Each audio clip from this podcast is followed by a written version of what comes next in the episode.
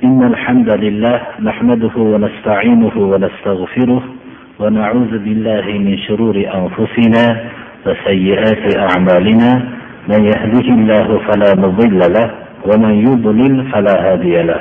وأشهد أن لا إله إلا الله وحده لا شريك له وأشهد أن محمدا عبده ورسوله.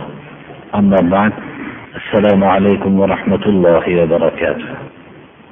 alloh subhanahu va taolo yer yuziga o'zining xalifasi bo'lgan insonni yaratar ekan bu insonni o'zining xalifasi qildi استعيذ بالله وإذ قال ربك للملائكة إني جاعل في الأرض خليفة bu inson xalifasiga tavhidni ixtiyor qildi. Shirkdan voz kechishlikka buyurdi. Va shu tavhid bo'lishligi bilan alloh subhanahu va taolo namozni farz qildi. Namoz farz bo'lishligi haqida biz o'tgan darsimizda o'rgangan bo'ldik. Namozning biror vaqt soqit bo'lishligi mumkinemas ekanligi haqida. Magar namozning demak qazosi haqida masala bo'lishligi mumkin emas. Chunki namozni tark qilishlikka hech qanday islom ruxsat bermagan. Magar namozning qazosi haqidagi savol uxlab qolgan vaqtdagina bo'lishligi mumkin. Agar bir kishi uxlab qolgan bo'lsa namoz vaqtida o'tib ketgandan keyin tursa qazo haqida masala so'rashlikka haqqi bor uni. Shu bilan birga ba'zi kishilar e'tiroz bildirib qolmasliklari uchun unga ham to'xtalib o'tamiz. Rasululloh sollallohu alayhi vasallam ahzob jihodida asr namozini o'qiyolmay qoldilar. Bu sabab ahzob islomni yo'qotib tashlashlik maqsadida islomning ildizi bilan sug'urib tashlaymiz deb islom tarixidan boshlab islom dushmanlari harakat qilib kelingan. Mana bu ahzob hamma qabilalar to'planib hamma makkayu madinadagi atroflardagi qabilalar to'planib islomga qarshi jang qilishganda rasululloh sollallohu alayhi vasallam salmon forsiy maslahati bilan handaq kavlatdilar. Shu handaq ahzobda kavlangan. Ahzob bular hammasi islomga qattiq turib jang qilishgan vaqtlarda namoz asr namozi ashoblar o'qiyolmay qoldi. Payg'ambarimiz sollallohu alayhi vasallam kelganlarida umar ibn hattob asr namozini o'qiyolmaganliklari haqida e'lon qilganlarda men ham o'qiyolmadim hatto kun botib ketdi. Afzal namozdan bizni kofirlar to'sishdi uylariniyu yerlarni o'tga to'ldirsin deb duoibat qilib asr namozini shunda tahir qilindiki shu kun botgandan keyin o'qildi. Ba'zilar bu namoz qazo bo'lgan emas ham deyishadilar. Namozni ya'ni esga tushgan vaqtda o'qing degan ma'noda ya'ni bundan murod mabodo bir kishi hech qanday hayolida turmagan holatda namoz vaqti o'tib ketib qolgan bo'lsa ba'zilar qazosini o'qiydi deydi ba'zilar qazo bo'lmaydi deydi. Insonda shu holat bo'lishligi mumkin. Ammo qasd bilan hech qachon namozni tark qilishlikka yo'l yo'qdir birodarlar bu haqda biz o'tgan darsimizda mufassal bir tushuntirgan bo'ldik. Inshaalloh bugungi darsimizda qayerda namoz zikr qilingan bo'lsa yonida zakot zikr qilingan. Namozni barpo qilinglar zakotni o'tinglar. Men shu zakot haqida bir ikki so'z aytmoqchiman. Zakot rasululloh sollallohu alayhi vasallam davrlarida asosan madinada payg'ambarimiz sollallohu alayhi vasallam yetakchilik qilib turgan islom hukmdorligiga zakot to'planardi. Va shu yerdan zakotga mustahiq bo'lgan odamlarga zakot beriladi. Inshaalloh zakotga kimlar loyiq zakot sarf qilinadigan joylar qayerliklari haqida darsimizda aytib o'tamiz sakkizta. Shu sakkizta o'ringa taqsim qilinadi va shu bilan birga ojiz muhtoj bo'lgan odamlarga bevosita ham beriladi zakotni tushunmagan kishilar yoki tushunsa ham islomga g'arazgo'y bo'lgan odamlar islomdagi zakot odamlarni tekin tomoqlikka o'rgatgan deb bizning zakot nizomimizni masxara qilishadi. Ular mutlaqo zakotni mohiyatini tushunmaganliklaridan masxara qilishadi. Chunki zakot islom payg'ambarimiz sollallohu alayhi vasallam madinada turganlarida islom hukmdorligiga rahbarlik qilib turganlarida zakot bir joyga to'planib o'zining muhtoj joylariga berilgan. Bu bilan hech qanday odamlar tekin tomonlikka o'rgangan bo'lmaydi. Qaysi odam qaysi nizomda yashayotgan bo'lsa o'zining xizmat qilgan muqobalasiga olayotgan maoshlarini tekin tomonlikka o'rganyapman deb olmaydi hech qachon. Shu bilan birga muhtoj bo'lgan odam so'ramasdan unga zakotni bergan vaqtida u muhtoj ojiz yoyinki qariya yoyinki bir go'dak mana bu bolalarga shu muhtoj bo'lgan o'rinlarga zakot berilishlik bilan ular tekin tamolikka o'rgangan bo'lmaydi. Undan tashqari rasululloh sollallohu alayhi vasallam zakotning asosiy beradigan o'rnini yaxshi bir yo'llanma ham berdilarki shunday qilishlik ham mumkin bo'lishligini bir kishi rasululloh sollallohu alayhi vasallamdan marhamat so'rab kelganlarida unga qobiliyati bor bo'lgan kuch quvvati bo'lganligi uchun unga bolta arqon berdilarda va shu bilan o'zini o'tin terib shuni sotib tirikchilik qilishlikka yo'llanma berdilar. Mana bu yo'llanma bilan keyin oldilariga kelib qanday holati qanday bo'lganligi haqida xabar berishligini ham talab qildilar.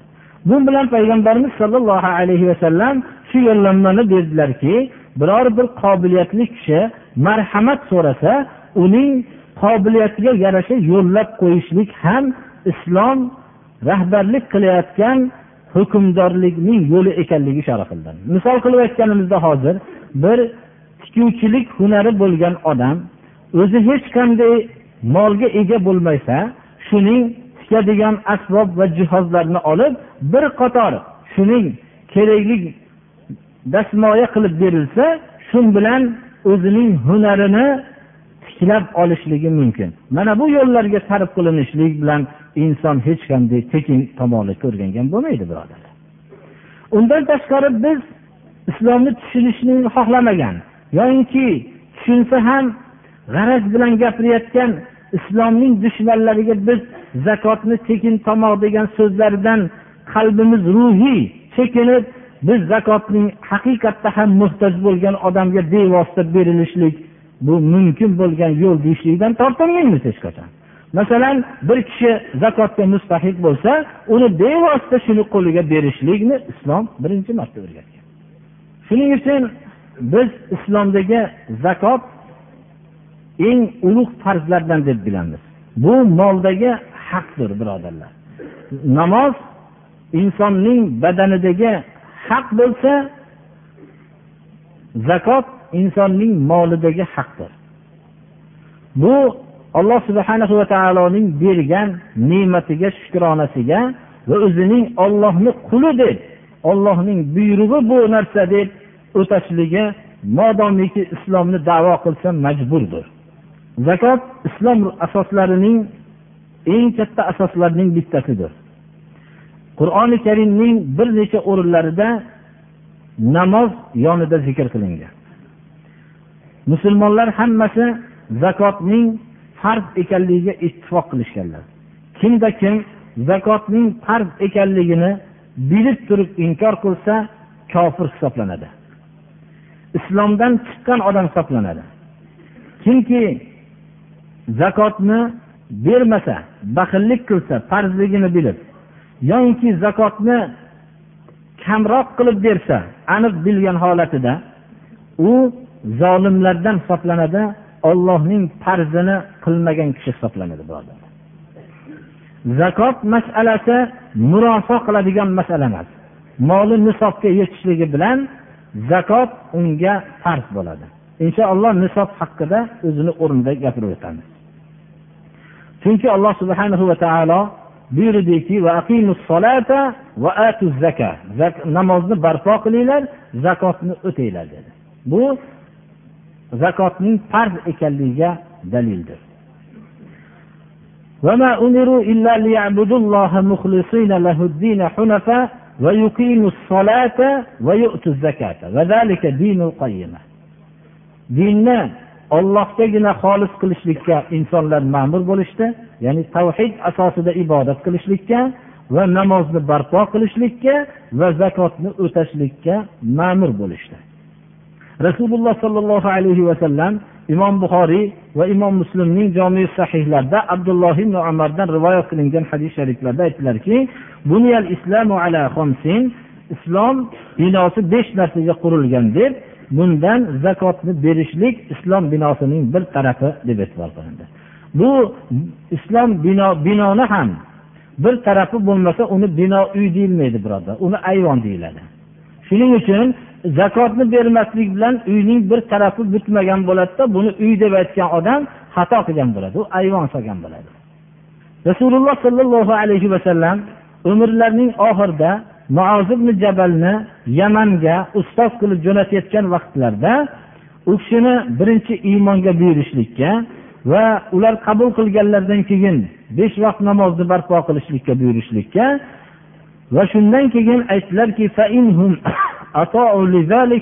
فأعلنهم أن الله افترض عليهم صدقة تؤخذ من أغنيائهم فترد على فقرائهم agar ular namozni barpo qilishlikka itoat qilishsa bildiringki ularga alloh subhanahu va taolo ularga davlatmanlardan olib kambag'allarga qaytarib beriladigan sadaqotni farz qilganligini bildiring dedilar demak bu bilan namoz qatorida zakotni zikr qilinishligi bilan bu hadis zakotning farz ekanligini bildiradi.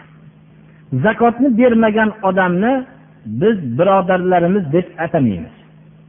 Chunki qur'oni karimda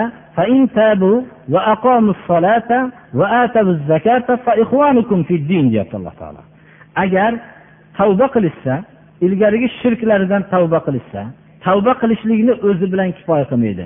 Namozni barpo qilishsa tavba qildim deyishlik bilan ish bitmaydi. Tavba qilib shu o'zining shirk yo'lidan qaytib namozni barpo qilishsa va zakotni o'tatsa bu sizlarning dindagi birodaringlar deyapti demak zakotni o'tamagan kishilar dindagi birodarlardan hisoblanmaydi. Bilib turib ollohning farz farzi ekanligini bilib turib inkor qilsa avval darsimizda avvalda aytdik kofir deb e'tibor qilinadi. Shuning uchun abu bakr roziyallohu anhu namoz bilan zakotni ajratgan kishilar bilan ya'ni zakotni bermas bermagan namoz o'qib zakotni bermagan kishilar bilan ular bilan kelishmadilar va jang qildilar. Sahobalar buni keyinchalik tasdiqlashdilar. Shuning uchun sahobalarning ittifoqi bilan zakotni bermagan odam musulmon odamlardan hisoblanmaydi. Zakot albatta moli nisobga yetgan bo'lishligi bilan zakotning mashru bo'lishligi islomga g'arazgo'y odamlar zakot odamlarni tekin tomoqqa o'rgatadi degan kishilarga. Zakot mashru bo'lishligi juda ko'p hikmatlarning o'z ichiga olgan. Ko'p manfaatlarni o'z ichiga olgan. Bular ichida bizga birinchi zakot bergan odam o'zi biladigan o'zining poklashlik bor birodarlar. Mo'min odam birinchi gunoh va o'zining islomiy jinoyatlaridan poklanadi. Va shunda o'zining ruhini razil axloqlardan tozalaydi. Xususan baxillik kasalliklardan tozalaydi. Qaysi bir odam zakot bermasa bilingki u faqat o'zini ko'zlaydigan maxluqqa aylanadi. Hozirgi vaqtda zakot bermagan odamlarning tekshirib ko'rsangiz faqat o'zining manfaatini o'ylaydigan maxluqqa aylanadi birodarlar. Shuning uchun ham hisobsiz dunyolar to'plagan odamlar bular zakotlarni bermasligi natijasida o'zining qarindoshlaridan bo'lgan kambag'allarga ham rahm shafqat qalbida zarracha bo'lmagan.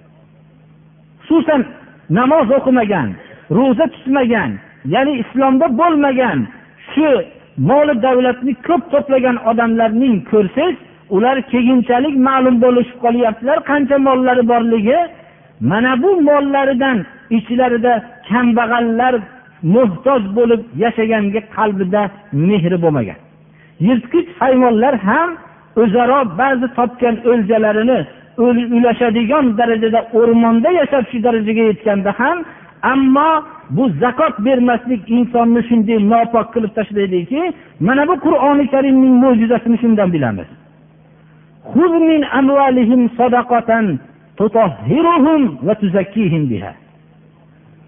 Siz mollaridan sadaqot oling ey muhammad alayhissalom. U sadaqot ularni poklaydi va ularni ozoda qiladi. Birodarlar bu yerda ikkita kalima kelyapti. Bu zakot insonlarni ham tohir ham muzakko bu juda ko'p poklanishliklarga ishoradir. Ham u zakot berishlik bilan birinchi jamiyatni poklanadi jamiyatdagi odamlarni poklaysiz deyapti alloh taolo. Kambag'allar bilan davlatmanlar o'rtasida hech qanday qarama qarshilik fikri bo'lmaydi. Hozirgi vaqtda biror bir kishi halol yo'l bilan davlatmon bo'lsa ham odamlarning qalblarida adovat bo'lishligining siri shuki ular o'rtada zakot nizomining yo'q bo'lib ketishligidir. Mana bu narsa zakot modomiki davom etar ekan. Inson bu jamiyatda boy bo'lgan sari odamlar qalbi o'yg'oq bo'lib boraveradi. Kambag'allarning qalbi boylarga nisbatan yumshab boraveradi. Misol qilib olganimizda biz bu yerda har bir narsa boyligi oshgan sari zakot miqdori ham oshib boraveradi. Miqdor haqida hali gaplashamiz inshaalloh qirqdan birini beradi. Qirqdan bir degan narsa birodarlar puli juda ko'payib ketsayu degan savol yetadi. Masalan nihoyatda ko'payib ketsa millionga borsa yigirma besh ming so'm zakot beradi. Yigirma besh ming so'm bilan juda ko'p kambag'allarni o'zini ko'nglini olishlik mumkin bo'ladi birodarlar moli davlati ko'paygan sari zakotni bera boshlaydi. Shu yerda men mavzudan tashqariga chiqish bo'lsa ham to'xtalib o'taman. Alloh subhanahu va taolo rasululloh sollallohu alayhi vasallamga mollaridan ularni siz poklaydigan va ozoda qiladigan zakotni oling deyapti alloh taolo buni olib rasululloh sollallohu alayhi vasallamning sha'nlariga islomning dushmanlari qiyomatgacha bir narsa aytisholmaydilar payg'ambarimiz sollallohu alayhi vasallam olib kelgan bu nizom ya'ni zakot nizomi kambag'allarning haqqi edi. Ammo rasululloh sollallohu alayhi vasallam va u kishining avlodlarining kambag'allariga ham zakot harom bo'ldi. Zakotni o'zlari uchun yig'madilar. Hattoki nabiralari hasan va husayn roziyallohu anhu ikkovlari zakot xurmosi to'kilgan joyga borib bir dona xurmoni olib og'izlariga emaklab borib shu yoshda emaklab borib olayotganlarida yosh bolalarga odatda qilinadigan xitobni kih kih dedilar ya'ni qih qih degan kalima bilan shu zakotni og'zidan imom hasan va imom husaynning qaysilarining bittalarini og'izlaridan olib qo'ydilar. Sizning boboyingizni avlodiga qiyomatgacha zakot harom dedilar. Mana bu zakotni yig'ishlik o'zlarining manfaati uchun bo'lgan degan so'zni kitoblarning istab ham islom dushmanlari payg'ambarimiz sollallohu alayhi vasallamga zarracha bir so'z aytolmasdan dog'da qolib o'tib ketishyaptilar. Mana bu joyda mollarni olib odamlarni poklaysiz deyaptilar. Zakot bergan nizomda harislik bo'lmaydi birodarlar. Kambag'allarda tashnalik bo'lmaydi. Hali bu cho'ntagingizdagi narsa uyingizga mahkamlab qo'ygan narsani olib chiqib ketadigan o'g'rilar emas. Sizni beradigan molingizga ixtiyoringiz bilan berayotgan vaqtingizda ham bunga haris bo'ladigan kambag'al bo'lmaydi. Chunki u muqarrar zakotni beradi. Musulmon kambag'alga hojatlarini ta'minlash ularning musulmon kambag'allarni so'rashlik xorligidan hurmatlash zakot beradigan odam muhtoj kambag'alni ko'rishlik bilan quvona boshlaydi. O'zining moli uchun o'rin topganligi bilan quvona boshlaydi. Go'yoki hozirgi vaqtda molini sarf qilayotgan o'zining shaxsiy manfaatiga sarf qilayotgan joyini ko'rib quvonib turganimizdek. Xuddi mana bu zakotimni o'rni turibdi deydi quvonib turadi. Mo'ljalga olib turadi. Undan bir narsa olishlik uchun emas uning qonini so'rashlik uchun emas uning muhtojlik joyini istay boshlaydi. Shu muhtojligini ta'minlashlik uchun nihoyatda xursandlik oladi. Va kambag'al odamni davlatman zakot beradigan kishi alloh subhanahu va taolo tarafidan bunga tayin qilingan yaxshilikka o'tib oladigan ko'prigim deb biladi. Ya'ni uni xorlamaydi. Meni molimni olding sen demaydi. Uni hurmatlaydi. Chunki men ollohni huzuridagi yaxshilikka mana shu muhtoj kambag'alsiz o'tolmayman deb e'tiqod qiladi. Qanday birodarlar bu savol qilishlik xorligi unda bo'lsin? Tarqoq qalblarni iymon va islom asosida jamlash birodarlar. Zakot bo'lgan zakot nizomi hukm surgan jamiyatda odamlar nihoyat darajada ittifoq bo'lishadilar. Va shu bilan ular nihoyatda davlatmand bo'lishadilar. Hamma davlatmandlikka aylanadi va o'rtadagi farqlar ozayib boradi. Davlatmand kishilardagi mol ko'paygan sari zakot miqdori ko'payib borib muhtojlarning ta'minlash yana ham ko'payib boraveradi. Shu bilan o'rtadagi boy va kambag'allik o'rtasidagi farq ozayib boradi. Musofir bo'lgan musulmonlarga yo'lda ajralib qolgan o'zining mulkidan ajralib turgan diyorlarda yordam berishlik. Bir musofir bir diyorga kelsa u diyorningdan yaxshilik muruvvatini ko'rishlik bilan bu diyorga nisbatan shu musofir yashagan diyorlarning muhabbati oshadi birodarlar. Chunki musofir o'zi yordamni ko'rishligi bilan bu diyordagi ba'zi ayblar esdan chiqib uning maqtovi boshqa diyorlarga ko'chib boradi. Va jamiyatlar o'rtasida ittifoqlik vujudga keladi.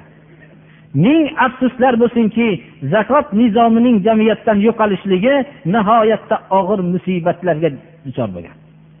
Bu faqat musulmon zakot beruvchilargina tushunadigan so'z boshqalar buni tushunishlikdan mahrum bu hikmatni birinchi molning zakotini berishlik bilan molning poklanishligi va molning muhofaza qilib saqlanishligi va hamda ofatlardan barakot bilan saqlanishligi alloh subhanahu va taologa itoat qilish ollohning buyrug'ini ulug'lashlik va ollohning xalqiga yaxshilik qilishlik tabiatlari bilan tabiatlanishlik.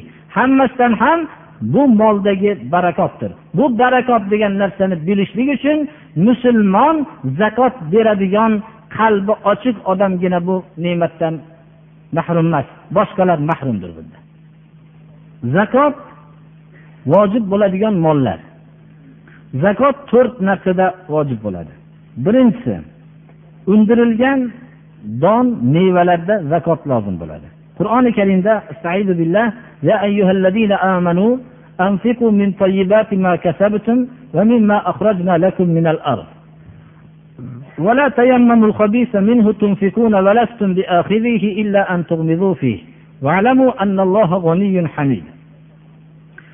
iymon keltirgan kishilarga alloh subhana va taolo xitob qilib o'zinglar kasb qilgan narsaning pokizalarini sarf qilinglar va yerdan biz sizlarga chiqarib bergan narsadan sarf qilinglar buning yomonini maqsad qilmanglar berayotgan vaqtda yomonini maqsad qilmanglar o'zinglarga berilgan vaqtdan ayblab turibgina olasizlar albatta bir odam sizga yomon narsasini mevasining yomonrog'ini bersa shuni shuni beribdimi deb ayblab turib olasizlar.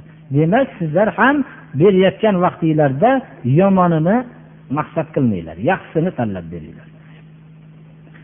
Qur'oni karimda ya'ni o'rim kunida haqqini o'tanglar deb olloh buyuryapti. Mana sura anomda demak biz zakotni undirilgan narsalarda vojib ekanligini mana bu oyatlar dalolat qiladi. Undan tashqari nabiy sollallohu alayhi vasallam aytdilarki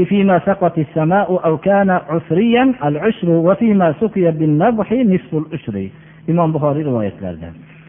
Osmon bilan ya'ni yomg'ir bilan sug'orilgan o'rinlarda yoinki usriy bo'lsa usriy shu yomg'ir suvi to'plangan joydan shu suv ichadigan ya'ni yomg'ir suvi to'plangan o'rinlardagi suvdan hovuz shaklida bo'lib qolgan suvdan ichgan e, meva mevali daraxtlardan hosil bo'lgan narsalarda bularda ushur o'ndan bir beriladi. Buni zakoti o'ndan birdir.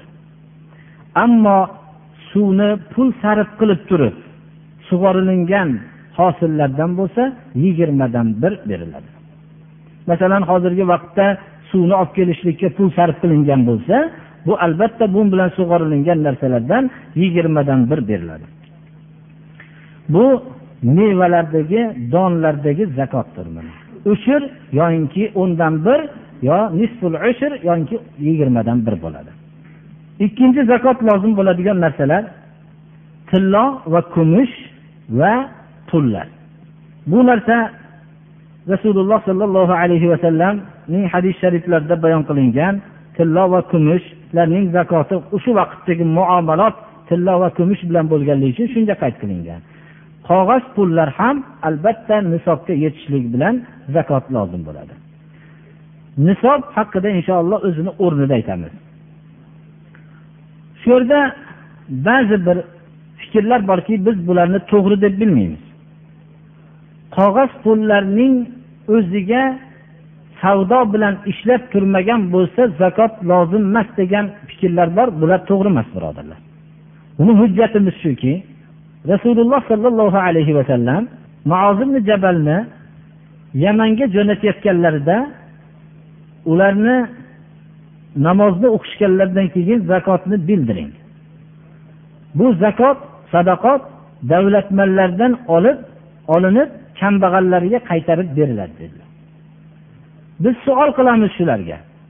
Nima uchun qog'oz pulga zakot lozim bo'lmaydi desa ular bu qog'ozning o'zini asli qadri yo'q deyishadi. Biz savol qilamiz u kishiga. Payg'ambarimiz sollallohu alayhi vasallam davlatmand odamlardan olinib kambag'allarga beriladigan sadaqotni farz qilinganligini bildiring dedilar. Shu odamni misol qila olaylik ko'proq miqdorda aytsak tushunish osonroq bo'ladi. Bir million qog'oz puli bor edi. Shu odamni odamlarni ba'zilarni arab tilida g'aniy deydi badavlat degani. Faqir deydi bu faqir juda ham kambag'al odamni aytadi miskin bu oz puli bo'lgan odamni nihoyatda oz bir kunlik va ba'zi bir undan ko'ra ko'proq nisbatan o'zi yetarli narsasi bo'lgan kishini miskin deydi. Ba'zilar faqir bilan miskinni buni aksiga tushuntirishadi. Kambag'ali miskin bo'lsa undan ko'ra durustrog'i lekin kambag'al. Chunki qur'oni karimda deyapti kafda kemani miskinlarga dengizda ishlatib turishardi deyapti. Demak miskinlarning bir kemasi bo'ladigan odam ham bo'lishi mumkinligi ishora bo'lyapti. O'zining tijoratiga ishlatib turadigan bir kemasi bor ekan shu kemasi bor odamlarni qur'oni karim miskin deyapti. Demak bu miskin kalimasidan biz shuni tushunamizki faqirdan ko'ra durustroq odamlar uch xil bo'ladi. Yo g'aniy bo'ladi arabchasiga davlatman yo miskin bo'ladi u juda kambag'alroq lekin faqir nihoyatda kambag'al. Uchovidan boshqa bo'lmaydi. Demak payg'ambarimiz sollallohu alayhi vasallam davlatmanlardan olinib bu kambag'allarga qaytarib beriladi deyapti. Shundan maqsad biz savol qilamizki bir million qog'ozi bor odamni faqir deymizmi yo miskin deymizmi g'aniy deymizmi arabchasiga deymiz. U majbur bo'ladi. Agar faqir desa u bir million bilan ancha ish qilolmaydigan odam. Yoyinki miskin deb bo'lmaydi albatta g'aniy deydi. Demak g'aniy deydigan bo'lsak g'aniy odamlardan olinadi deb payg'ambarimiz sollallohu alayhi vasallam hadisi muboraklarda shunday deyaptilar. Demak biz qog'oz pullarga tijorat maqsadida tursa ham ishlamay turgan bo'lsa ham nisobga yetgan bo'lsa zakot berishligi farz deymiz. Uchinchi tijorat matolari. Savdo muomalasi uchun olingan narsalar. Kasb uchun tijorat uchun olingan yer bo'lsin hayvon bo'lsin taom bo'lsin yoinki bir suyuq halol ichimliklar bo'lsin yo sayyoralar bo'lsin yo boshqa mollarning turidan bo'lgan bo'lsa shu odam shu vaqtda bir yil aylanishligi bilan shu moliga shularni narx hozirgi narx o'zi yashayotgan vaqtdagi narxga qo'yadi. Agar shu narsalar sotaman deb olib qo'ygan narsalari nisobga yetsa zakot berishligi bir yil aylanishligi sharti bilan zakot berishligi vojib bo'ladi. To'rtinchi tijorat matolari deganida savdo uchun olingan hamma narsa kiradi. Hatto diqqat bilan eshitilingan bo'lsa hayvon ham kiradi. Savdo muomalasida bo'lgan. To'rtinchi hayvonlar tuya mol qo'ylar. Bular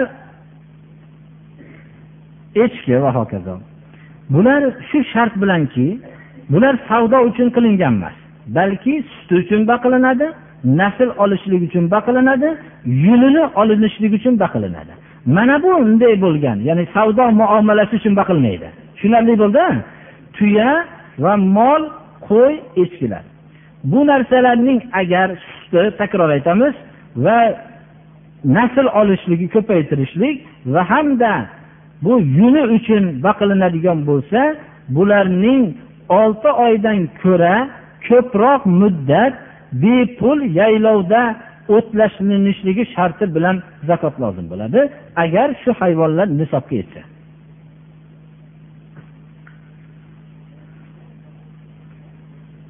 Agar olti oydan ko'ra ko'proq muddatda bepul yaylovda o'tlamaydigan bo'lsa bular savdo uchun olinmagan bo'lishlik sharti bilan zakot lozim bo'lmaydi. Nisoblar miqdorlari haqida. Birinchi biz zakot lozim bo'lgan narsa don va mevalar dedik. Bularda osmon yomg'ir suvi bilan yo bepul suv bilan daryo suvlari bilan sug'orilgan bo'lsa o'ndan bir agar suvni pul yo'l pul bilan suv olib kelingan bo'lsa yigirmadan bir beriladi dedik. Buning nisobi ko'proq besh vasaq deb arab tilida aytilingan besh vasaq vallohu alam ikki yuz kilodan ko'ra ko'proq narsani tashkil qiladi. Agar bir kishining olayotgan hosili ikki yuz kilodan ko'ra ko'proq bo'lsa suvni pulsiz olib kelayotgan kelayotgan suv bilan sug'orsa o'ndan bir berishligi lozim bo'ladi. Agar buni pul bilan suv bilan olib kelayotgan bo'lsa yigirmadan bir berishligi lozim bo'ladi. Don va mevalarga omdir bu. Tilloning nisobi yigirma misqol hisoblanadi. Yigirma misqol hozirgi davrdagi o'lchovlar ulamolarning o'lchoviga qaraganda sakson besh grammni tashkil qiladi. Kumush bo'lsa ikki yuz tanga hisob bo'ladi. Ko'proq masalan ulamolarning fikrlari shu ikki yuz tangaga keltirilgan. Bu qog'oz pullar bo'lsa qog'oz pullar tillodan hozirgi vaqtda kumushning qadrsiz bo'lganligi vallohu alam kelajakda nima bo'ladi? Olloh o'zi biladi. Shuning uchun shu qog'oz pullarni tillo nisobiga hisoblashlik nihoyatda to'g'riroq bo'ladi.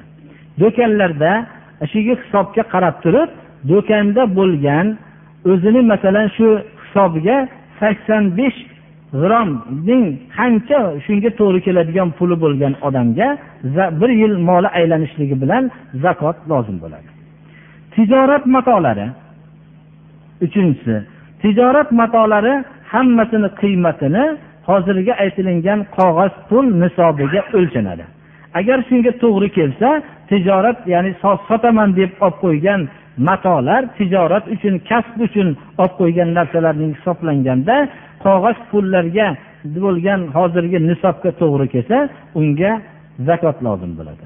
Zakot aytib o'tganimizdek qirqdan bir ulushini ollohni yo'lida kambag'allarga beriladi. Kambag'allar birinchi kimlar bo'lishligini mana inshaalloh bu albatta qarindoshlar tomonidan bo'lsa yaxshi bo'ladi.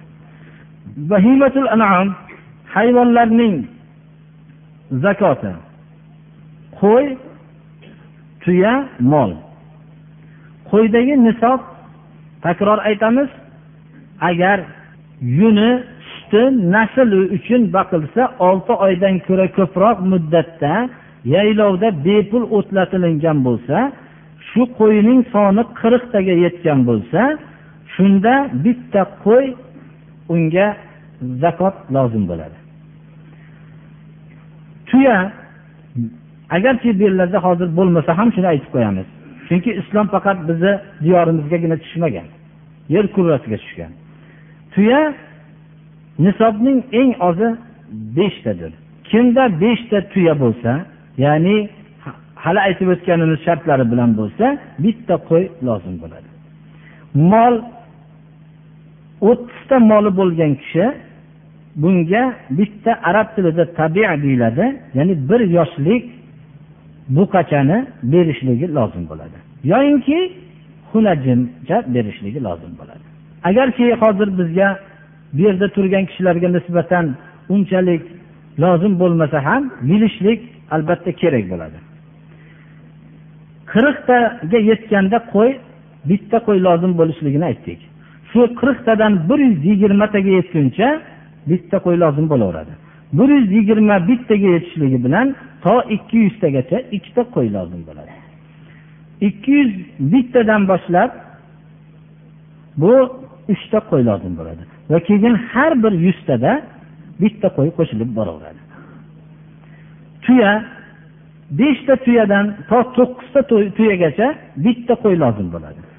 O'nta tuyaga yetganda to o'n to'rttagacha ikkita qo'y lozim bo'ladi. O'n beshta tuyadan o'n to'qqiztagacha uchta qo'y lozim bo'ladi.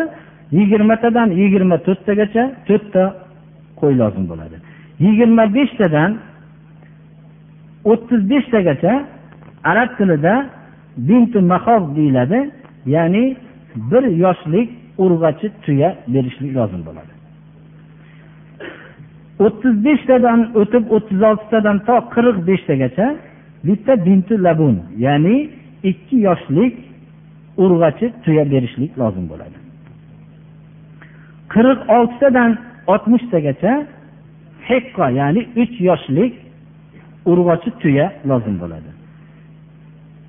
oltmish bittadan yetmish beshtagacha to'rt yoshlik urg'ochi tuya berishlik lozim bo'ladi. Va yetmish beshtadan o'tib yetmish oltidadan to to'qsongacha borganda ikkita ya'ni ikki yoshlik tuya lozim bo'ladi. Xullas to'qson bittadan bir yuz yigirmatagacha ikkita ikki uch yoshlik tuya lozim bo'ladi. Va hokazo har bir qirqta tuya bir yuz yigirma bittadan oshgan sari unda bitta ikki yoshlik tuya qo'shib borilaveradi. Har bir elliktaga oshganda ya'ni bir yuz yigirma bittadan keyin yigirmata ochsa e, qirqta oshganda takror aytamiz. Bunda qirqta oshganda bitta ikki yoshlik tuya bo'lsa ellikta oshganda ya'ni bir yuz yetmishtaga borganda unda uch yoshlik tuyadan bitta qo'shilib boraveradi. Mol zakoti haqida avvalda aytganimizdek o'ttiztadan to o'ttiz to'qqiztagacha bitta buqacha yo bitta xunajincha dedik. Qirqtadan ellik to'qqiztaga borganda bunda musinna ya'ni ikki yoshlik mol lozim bo'ladi ellik to'qqiztaga borishligi bilan oltmishtadan keyin bo'lsa ikkita bir yoshlik buqacha yo xunajincha lozim bo'ladi. Har bir o'ttizta molda bitta buqacha yo xunajincha qo'shilib boriladi. Qirqtada bo'lsa ikki yoshlik mol qo'shilib boraveradi. Hayvonlardagi zakot agarki biz bu narsa hozirgi bizni bu turgan jamoaga muhtoj bo'lgan masala bo'lmasa ham biz bir narsani bilaylikki rasululloh sollallohu alayhi vasallam yigirma uch yil muddatda zakotning shunchalik mufassal aniq suratda bayon qilib o'tgan mo'jizalarni bilib qo'ymoqligimiz kerak. Shu to'rtta zakot miqdorlarini bayon qilishlik bilan yer kurrasidagi ho qizil tanli ho oq tanli ho qora tanli ho qaysi millatga mansub bo'lgan odamlarning mollaridagi muomalotning hammasini bir ozgina bitta suhbatlarida juda qisqa so'zlar bilan ifodalab qo'yganki bu o'zgarmas qiyomatgacha qonun bo'lib qolgan. Ammo boshqalarning yo'llarini tekshirib ko'rsangiz mol haqidagi o'zgarishlar bu nihoyat darajada ko'p bo'layotganligi bunda odamlarning bir muayyan bir nizomga o'rnasholmayotganligini mana bu islomning mo'jizasini yana bir bor tan olib odam qoyil qoladi.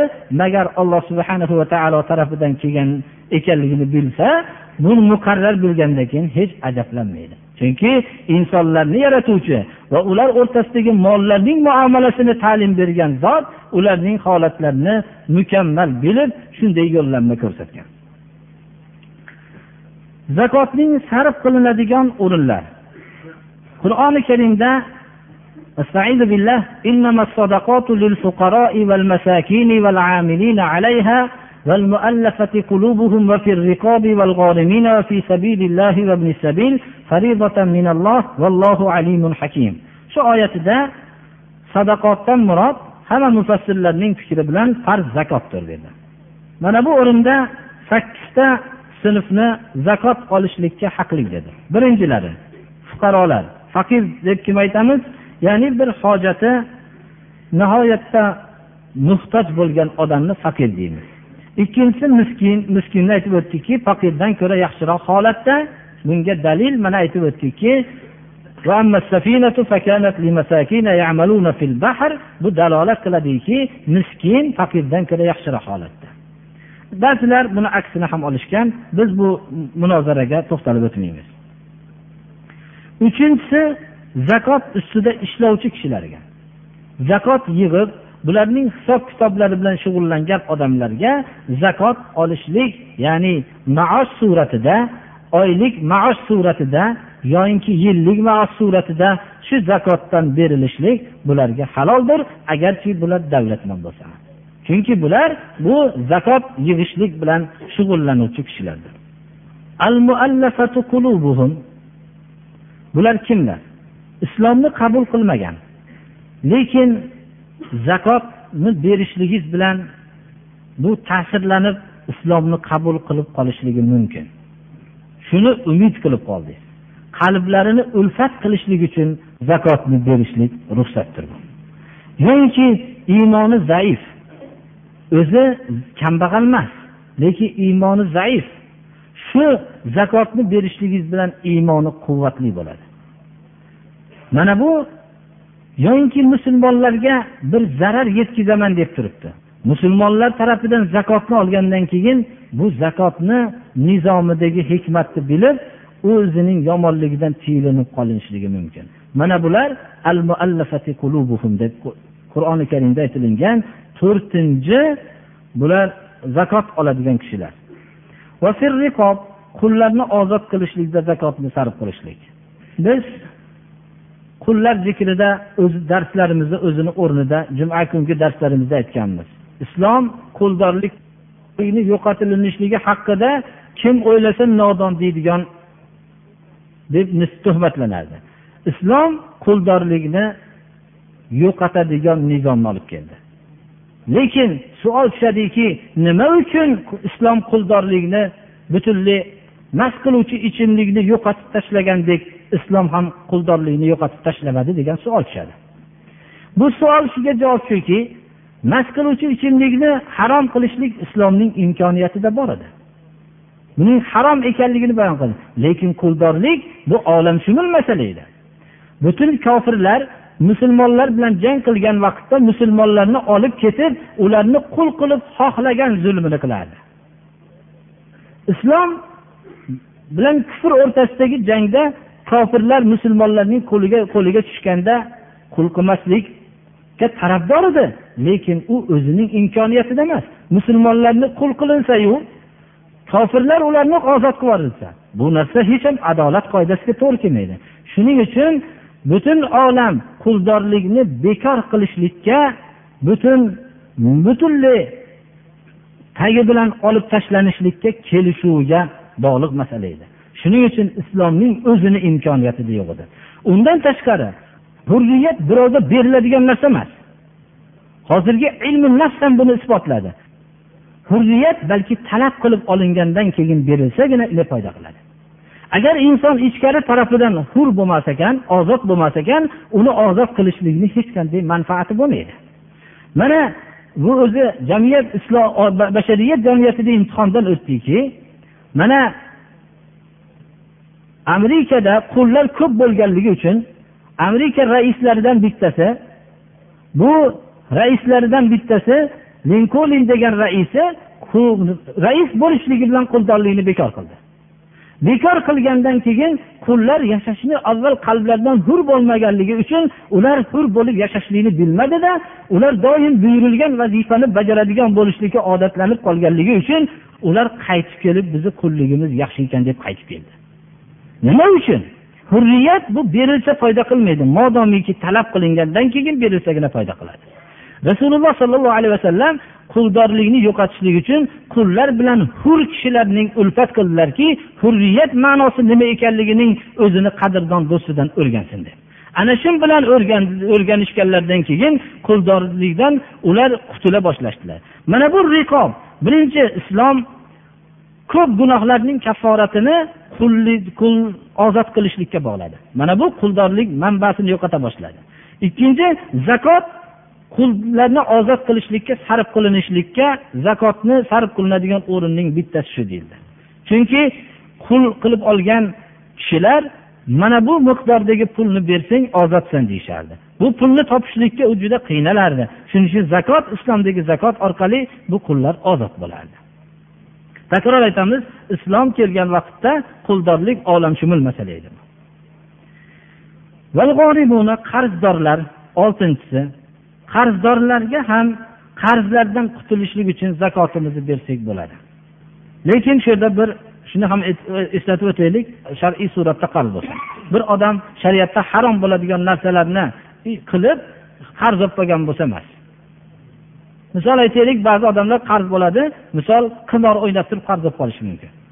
Mana bularga biz zakot bermaymiz birodarlar. Shariat deymiz masalan shar'iy musibatda ya'ni qarzdor bo'lib qolish ham musibat shar'iy yo'l bilan qarz bo'lib qolgan bo'lsa qarzdan qutulishligi uchun zakotimiz berishligimiz bu zakot beriladigan o'rinlarning oltinchisidir. Yettinchisi ollohni yo'lida ollohni yo'lida bu endi kim ollohni yo'lida yurgan bo'lsa mana shu ma'noda yurgan kishilarga zakotimizni berishligimiz bu zakot beriladigan oladigan kishilarning yettinchisidir. Ollohni yo'lida degan narsada juda ko'p ma'nolar o'z ichiga olinadi. Talabatul ulum ilm bir odam o'qiyapti shu ilmni egallashlik uchun kasb qilsa qolib ketadi mana shu odamlarga yordam berishlik va ollohni yo'lida yurgan kishilarga bular albatta kambag'al bo'lishliklari shart. Ollohni yo'lida yurgan kishilarni shu bergan molingiz ollohni yo'lida sarf bo'ladigan bo'lsa bu zakotning ayni o'rni bo'ladi. Va musofirlar. Bu yerda ba'zi suratlar bo'lib qolishligi mumkinki ollohni yo'lida bo'lgan molingiz davlatmand odamga tushib qolishi ham mumkin. Misol qilib olganimizda mabodo bir kishi bir kitob o'qimoqchi. Shu siz shu qur'oni karimdan o'nta qur'onni zakotingiz bilan shu o'nta qur'onni tarqatdingiz. Tarqatgan bo'lsangiz shu qur'on davlatmand odamni qo'liga tushsa ham ollohni yo'lida berganligingiz uchun bundan foydalansa bo'laveradi. Ibn sabil bu musofir birodarlar. Musofir o'zi moli davlati boru yonida yo'q uyda qolgan. O'zi davlatmand bo'lsa ham musofir bo'lganligi uchun bunga zakotni olsa bo'laveradi birodar zakotni bermagan kishilar haqida nihoyatda qattiq vaidlar bor. Kim tillo kumushlarini zakotini berilmasa hadis shariflarning mazmuni bilan cheklanamiz. Jahannam o'tida qizdirilib peshonalari va yelkalari orqalariga bosilib mana bu sizlar zakotini bermagan molinglar deb xitob qilib turiladi. Alloh subhana va taolo bir kishiga mol bersa dedilar rasululloh sollallohu alayhi vasallam zakotini bermagan bo'lsa u nihoyat darajada ko'zoynaklik ilon bo'lib bo'yniga o'rab qo'yilinadi. Va ikki jag'idan doim ushlab men seni molingman zakot bermagan molingman deb doim unga azob berib turadi qiyomat kuni. Tuya qo'y mollarning zakotini bermaganlar eng shohlik eng quvvatli suratda alloh subhanahu va taolo shu mol qo'ylari tuyalarni olib kelib doim usib uni azob berib turadi. Bir chekkasi tugashligi bilan ikkinchi tarafi yetib kelaveradi. Qiyomatda shunchalik azob beriladi. Ba'zi ogohlantiruvchi so'zlarni ham bilib qo'yishimiz kerak. Zakot kofirga berilmaydi. Asli kofirga yoinki dindan qaytgan murtad kofirga ham berilmaydi. Ba'zilar tomonidan zakotni namozda qasd bilan tark qilgan odamga ham berilmaydi deydi. Magar shu islomga kirib qolishligi umidi bo'lgan vaqtdagina beriladi deyapti zakotni davlatmand odamga berilmaydi. Zakotga qodir odamga zakotni berilmaydi. Yana zakot nafaqa vojib bo'lgan kishilarga ham berilmaydi. Durust emas. Masalan bir kishi zakotini ota onasiga bermaydi. Va farzandiga bermaydi. Ayoliga ham bermaydi. Lekin ayoli davlatmand bo'lsa ya'ni o'zining dadasidan ko'proq meros qolgan bo'lib davlatmand bo'lib qolsa yoyinki kasb bilan o'zi shunday kasbi bo'lib davlatmand bo'lsa kambag'al kuyoviga zakot bersa bo'ladimi? Yo'qmi? Bu haqda zakot bersa bo'ladi deb ba'zi ulamolar aytadi. Chunki er kishi ayolga nafaqa qilishligi lozim. Ota onasiga nafaqa berishligi lozim. O'zining farzandiga nafaqa berishligi lozim otani. To kamolot yoshiga yetgandan keyin. Kamolot yoshiga yetgandan keyin farzand ota onasiga nafaqa beradi. Shuning uchun nafaqa vojib bo'lgan kishilarga zakot berilmaydi chunki ularning nafaqasi bor. Ammo nafaqa lozim bo'lmagan kishilarga ya'ni vojib bo'lmagan kishilarga albatta aka ukalarga ham nafaqa lozimu lekin bu vojib bo'lgan nafaqalardan emas. Aka ukalar kambag'al bo'lsa opa singillar kambag'al bo'lsa zakot berilaveradi. Zakotni bir shahardan ikkinchi bir shaharga olib borilmaydi magar zarurat bo'lib qolsagina olib boriladi. Masalan ochlik bo'lsa. Chunki har bir shahar o'zidagi miskin kambag'allarni ta'minlab xotirjam qilishligi kerak. Avval mabodo ochlik bo'lib qolsa boshqa shaharlarda ochlik bo'lib qolsa yoyinki o'zini shaharida kambag'al qolmagan bo'lsa boshqa shaharlarga berilaveradi bu yerda bir savol bo'lib qolinishligi mumkinki ba'zi bir kishilarga masalan zakot berilsa shu bilan birga turgan bo'linsa u zakotni oluvchi haqiqatda kambag'al kambag'al lekin u bilan birga turgan odam zakot yeyishligi mumkin emas. Shu o'zining zakoti bilan biror bir taom qilib bersa yo bir shunga sharik bo'ladigan bir narsa olib kelsa yesa bo'ladimi? Shuni zakotligini bilib turib degan savol bo'ladi. Shunda yesa bo'ladi. Chunki unga berilgan narsa zakot bo'ladi bunga hadiya bo'ladi. Rasululloh sollallohu alayhi vasallam bunga yo'llanma ko'rsatdilarki barira ismli cho'riga zakot berilgan edi va shundan bir qozonda go'sht qaynatilgan edi. Shunda shu qozondagi narsadan olib kelinglar deganlarda bu zakot dedilar. Bariraga berilgan zakot edi dedilar u bariraga zakot bizga hadya dedilar. Demak shu bilan biz o'zimizdagi mushkulchilik borki masalan bir kambag'al muhtoj odam bilan birga turgan vaqtimizda unga zakot berilgan bo'lsa u shu zakot puliga biror bir yeydigan narsa qilgan bo'lsa biz davlatman bo'lsak u bilan birga yeyishimiz mumkinmi? Mumkin emasga javobdir alloh subhanahu va taolo shu zakotni beradigan kishilardan qilsin. Yana bir kishi so'rabdilarki qora aka besh vaqt namozda tojikcha bilan niyat qilish bormi? Shuni bizga batafsil tushuntirib bering deb niyat degan narsa birodarlar qalbni amali bo'ladi tilda amal bo'lmaydi niyat degan narsa qalbda bo'ladi qalbda bo'lgan narsani niyat deydi. Bu hech qaysi tilda bo'lmaydi. Arabcha ham bo'lmaydi tojikcha ham bo'lmaydi o'zbekcha ham bo'lmaydi. O'y bo'ladiki besh vaqt namozni o'qiyapman degan masalan ertalabki namozning farzini o'qiyapman degan niyat oladi. Namozi choshgoh zuho namozi qachon o'qilinadi? Kun nayza bo'yi bo'lganda o'qilinadi. To'rt rakat ko'proq to'rt rakat bo'ladi. Solati tavvobin deyiladi buni. Ba'zi muzdar holatda davolanishlik uchun avratda bo'lgan ba'zi jarohat shunaqa narsalarni majbur bo'lganligi bo'lsa majburlik holati bo'lsa shu yerni ochib davolasa bo'laveradi birodar. Majburlik holatda. Agar shu davoni o'zining boshqa oilasi orqali qilishlik mumkin bo'lsa davolash unda albatta ko'rinmaslik kerak.